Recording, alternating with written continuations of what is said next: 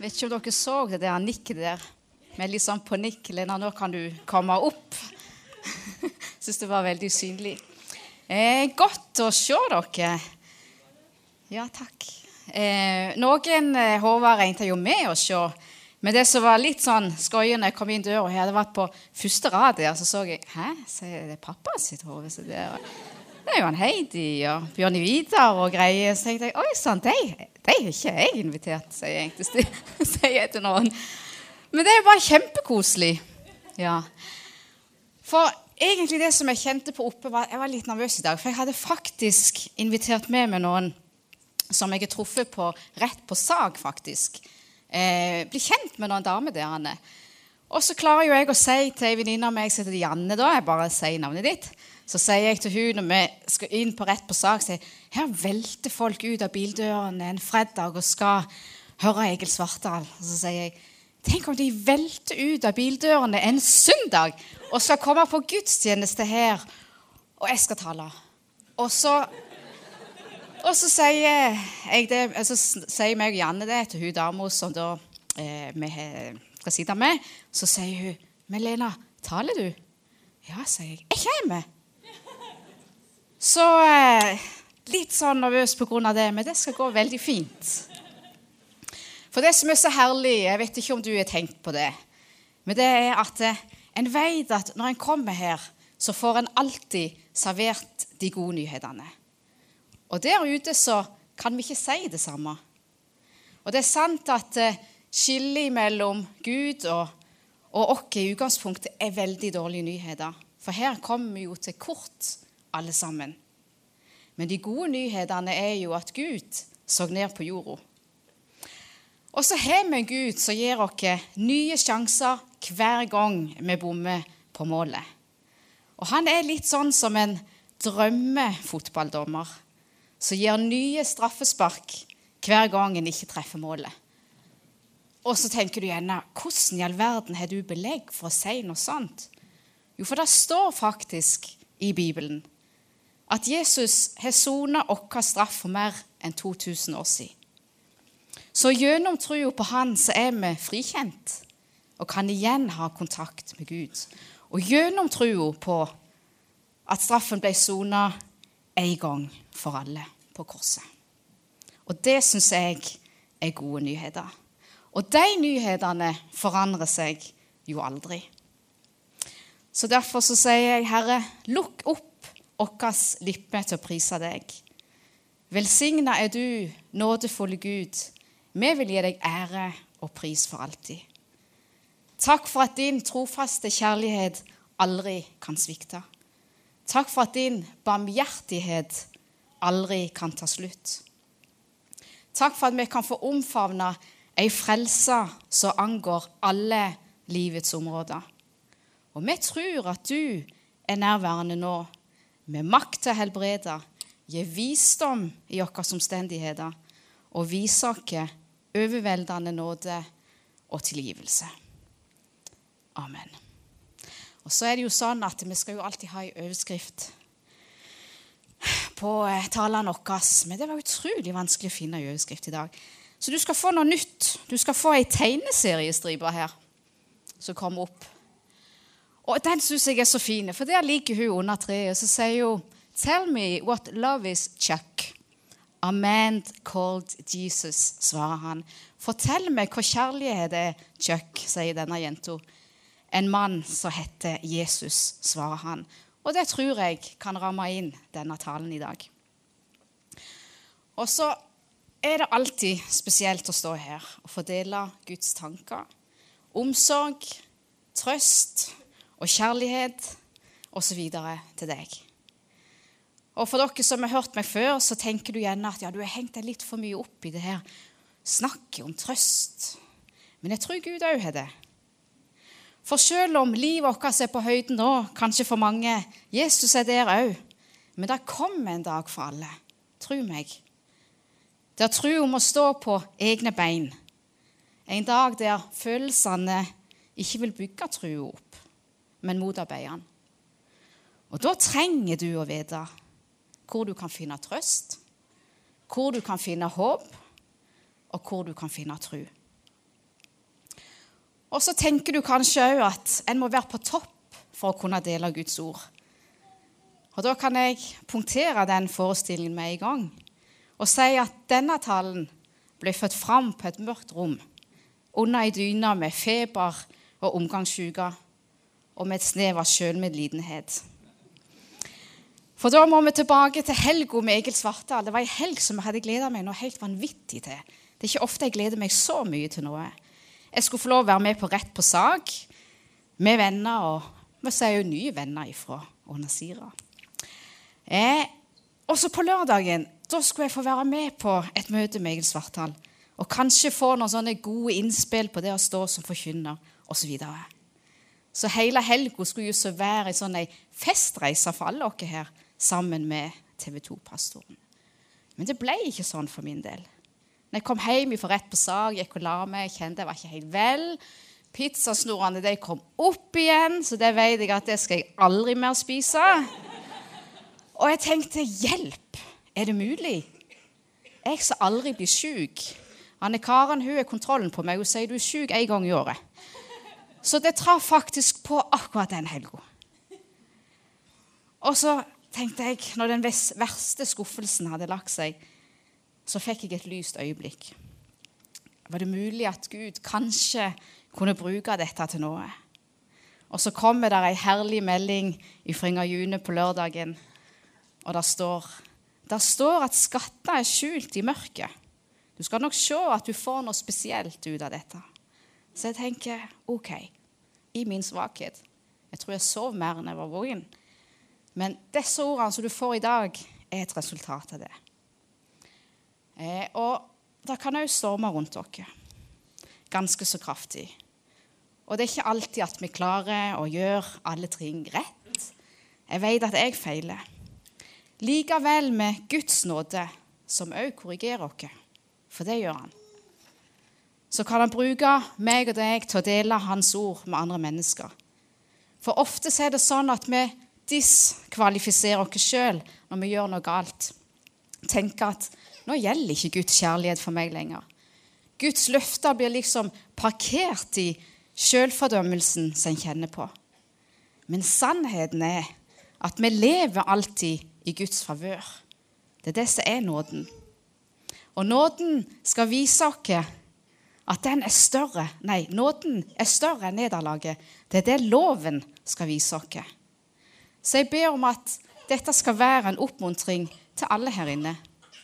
At du vil alltid være god nok til å stå i tjenesten for de gode ordene. Det står at vi forkynner ikke av oss sjøl, men Kristus Jesus som Herre oss sjøl derimot som tjenere for dere, skriver Paulus, men for mennesker for Jesus skyld. Og Da illustrerer Paulus det så godt gjennom sammenligningen av oss mennesker med krukker av leire eller jord. Og På Paulus' i tid så var leirkrukker verdiløse oppbevaringsgjenstander som ofte ble kasta fordi de var så billige og lette å få tak i. Litt sånn som plastflasker og bukser i dag. Det står i 2. Korinterne 4.: Men vi har denne skatten i leirkrukker, for at den veldige kraften skal være fra Gud og ikke fra oss sjøl. Skatten er da altså Jesus. Og Det vil si at forskjellen mellom disse verdiløse gjenstandene og den skatten som Jesus er, den er enorm. Og Grunnen til at Paulus kaller seg sjøl og de andre apostlene for leirkrukker, er for å vise at menneskelig svakhet ikke er noe hinder for Gud. Karenes verdiløshet er bevis på den kraften som er virksom når evangeliet forkynnes. Og den forvandlingen som finner sted i menneskers liv, er av Gud og skyldes ikke apostlene.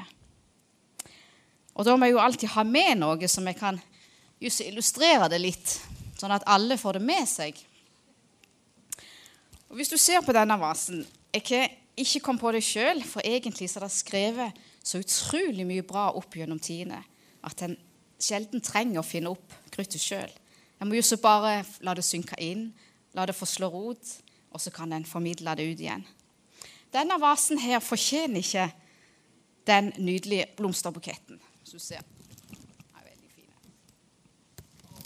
Ja, den er fin. Fortjener ikke denne nydelige blomsterbuketten. Akkurat sånn som du og meg ikke på noen måte fortjener den skatten som Jesus er. Men Gud har utvalgt oss, og han har valgt deg og meg til å dele denne fantastiske sannheten om hans kjærlighet og nåde med andre.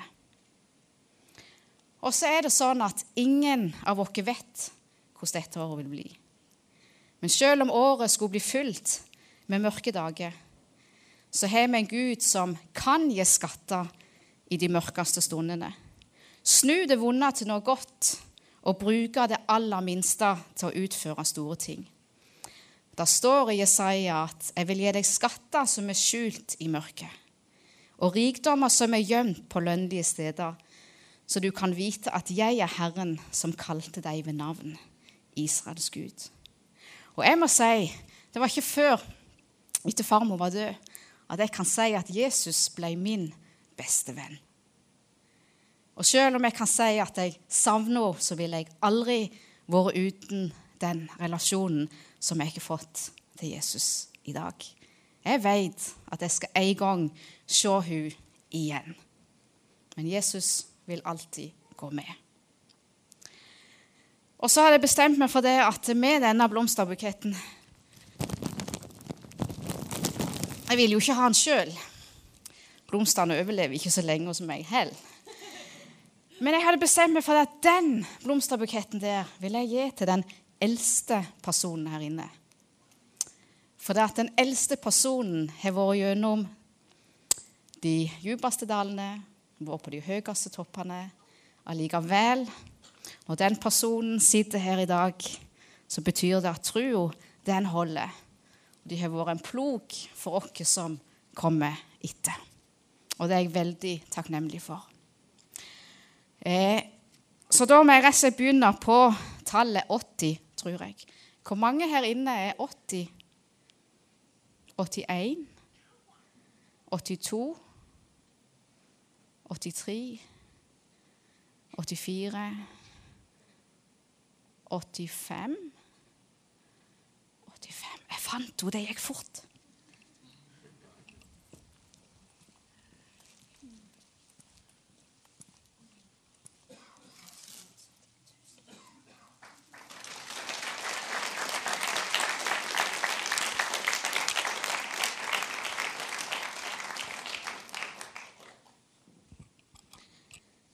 Paulus fant sitt håp, sin trøst og sin tålmodighet i Skriftene.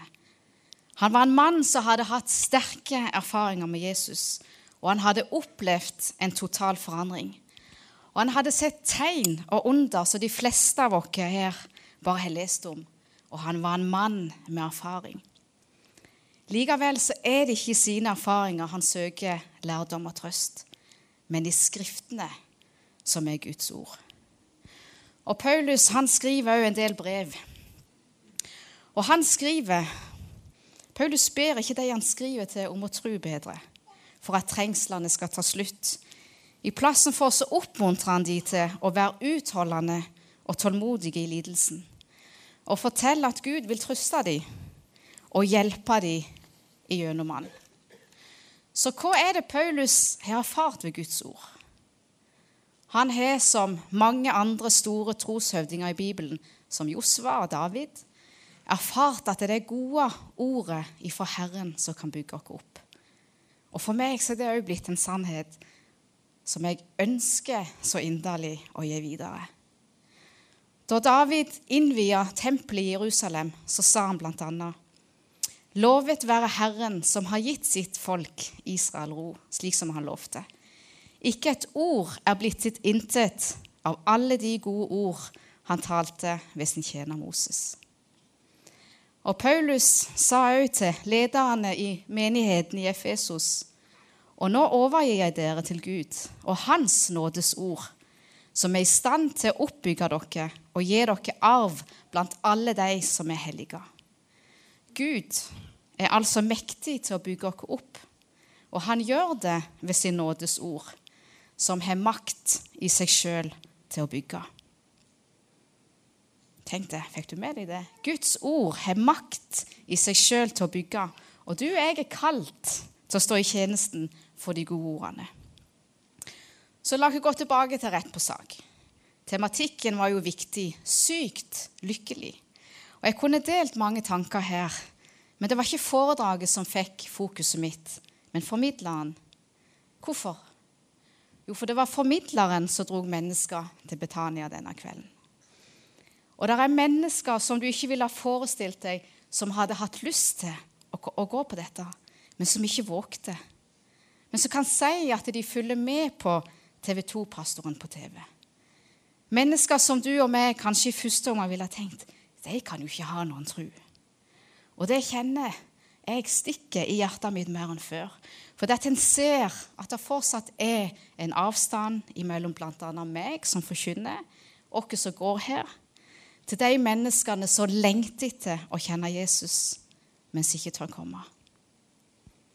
Hvordan skal jeg, når jeg vet at Guds ord kan bygge mennesker opp, få formidle at sjelen vår er håndlagt for å bli tilfredsstilt på dypet av Guds ord? At når vi går for lenge uten, næring, uten å få næring ifra sannheten, så vil vi begynne å fylle vår åndelige hunger, for den ligger i alle med kortvarige fysiske gleder i håp om at det vil lindre ensomheten som vi føler når det ikke tør komme.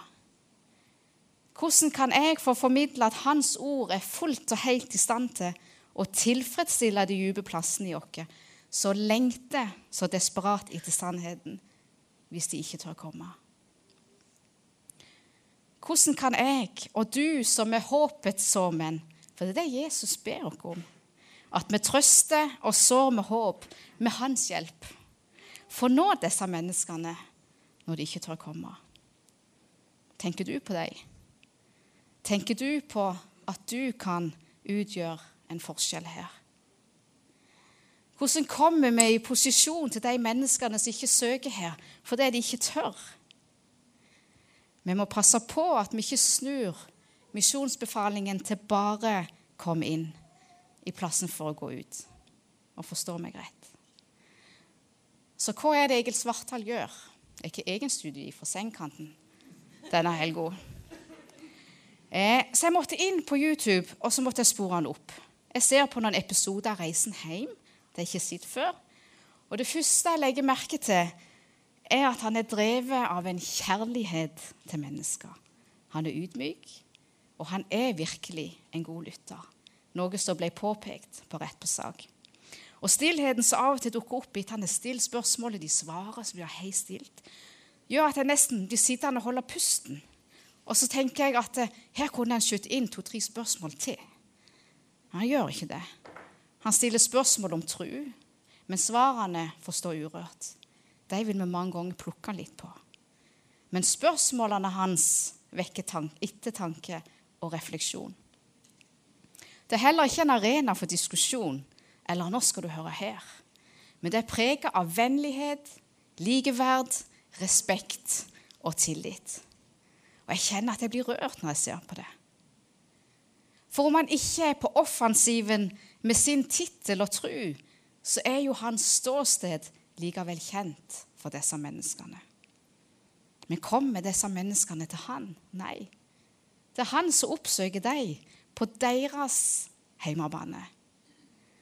Blir veien til en gudstjeneste etter sånne møter lang? Nei, jeg tror ikke det. Så jeg gjør meg ferdig med noen episoder, og så går jeg over til et par taler. Og jeg håper jo at han er litt mer på offensiven her. Og det er han.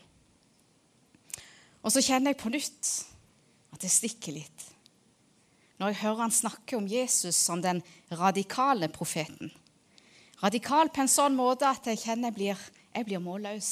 Og det får meg til å tenke, og jeg tenker fortsatt. Og Da skal jeg lese fra Lukas 4, 16.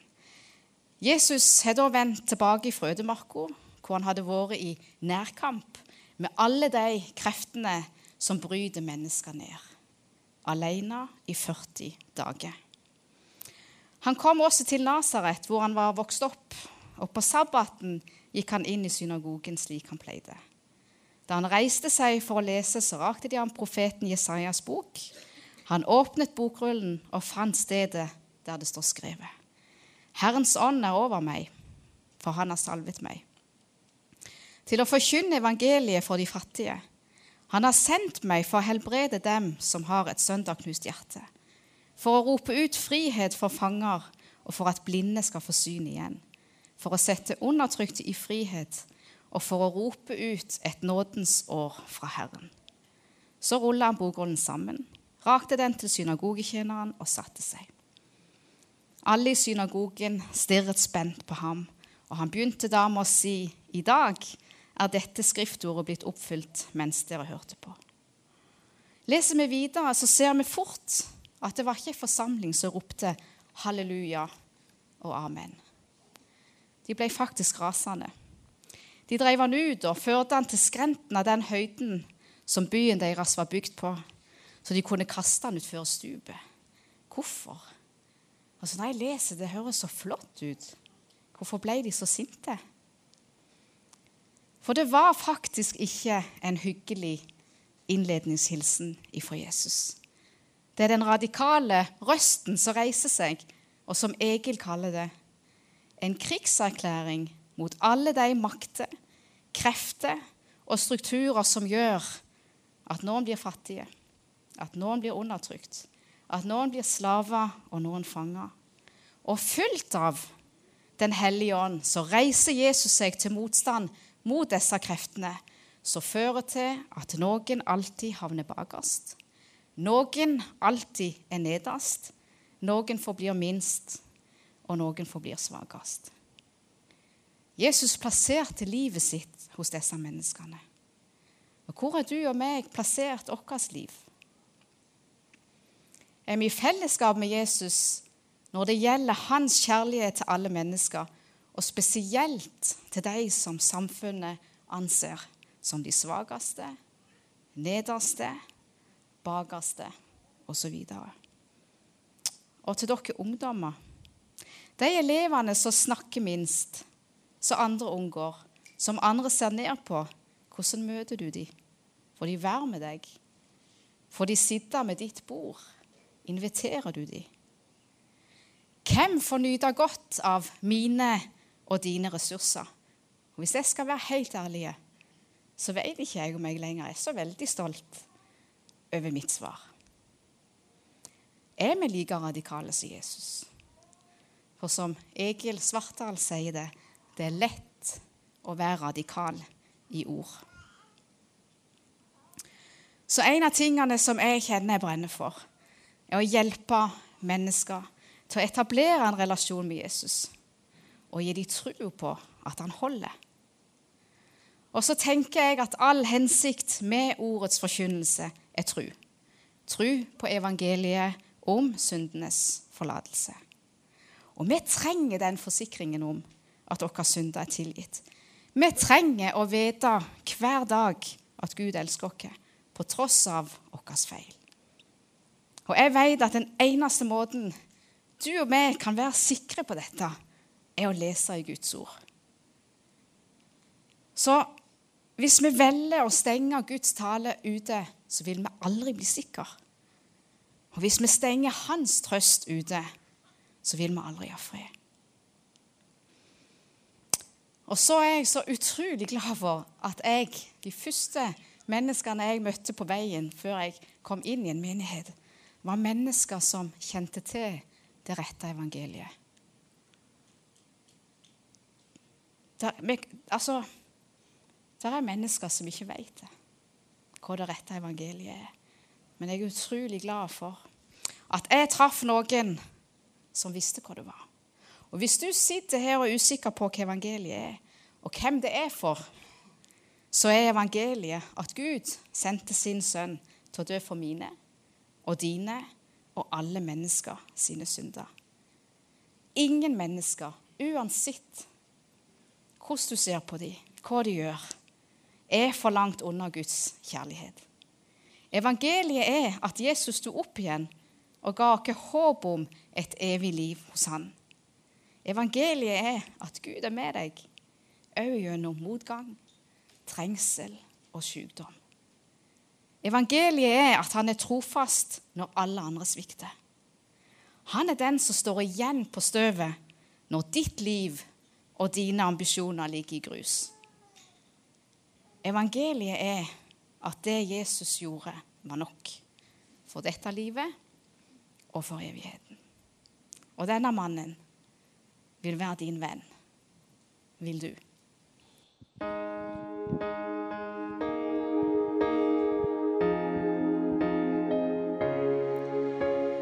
You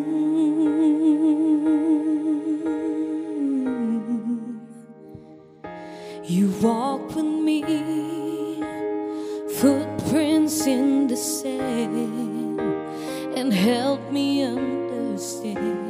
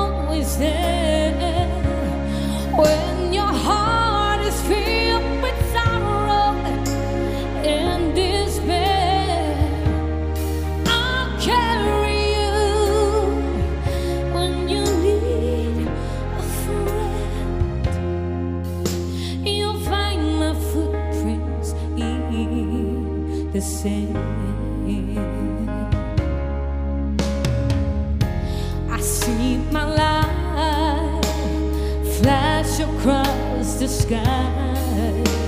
So many times have I, I've been so afraid. Oh, oh, oh. and just when I,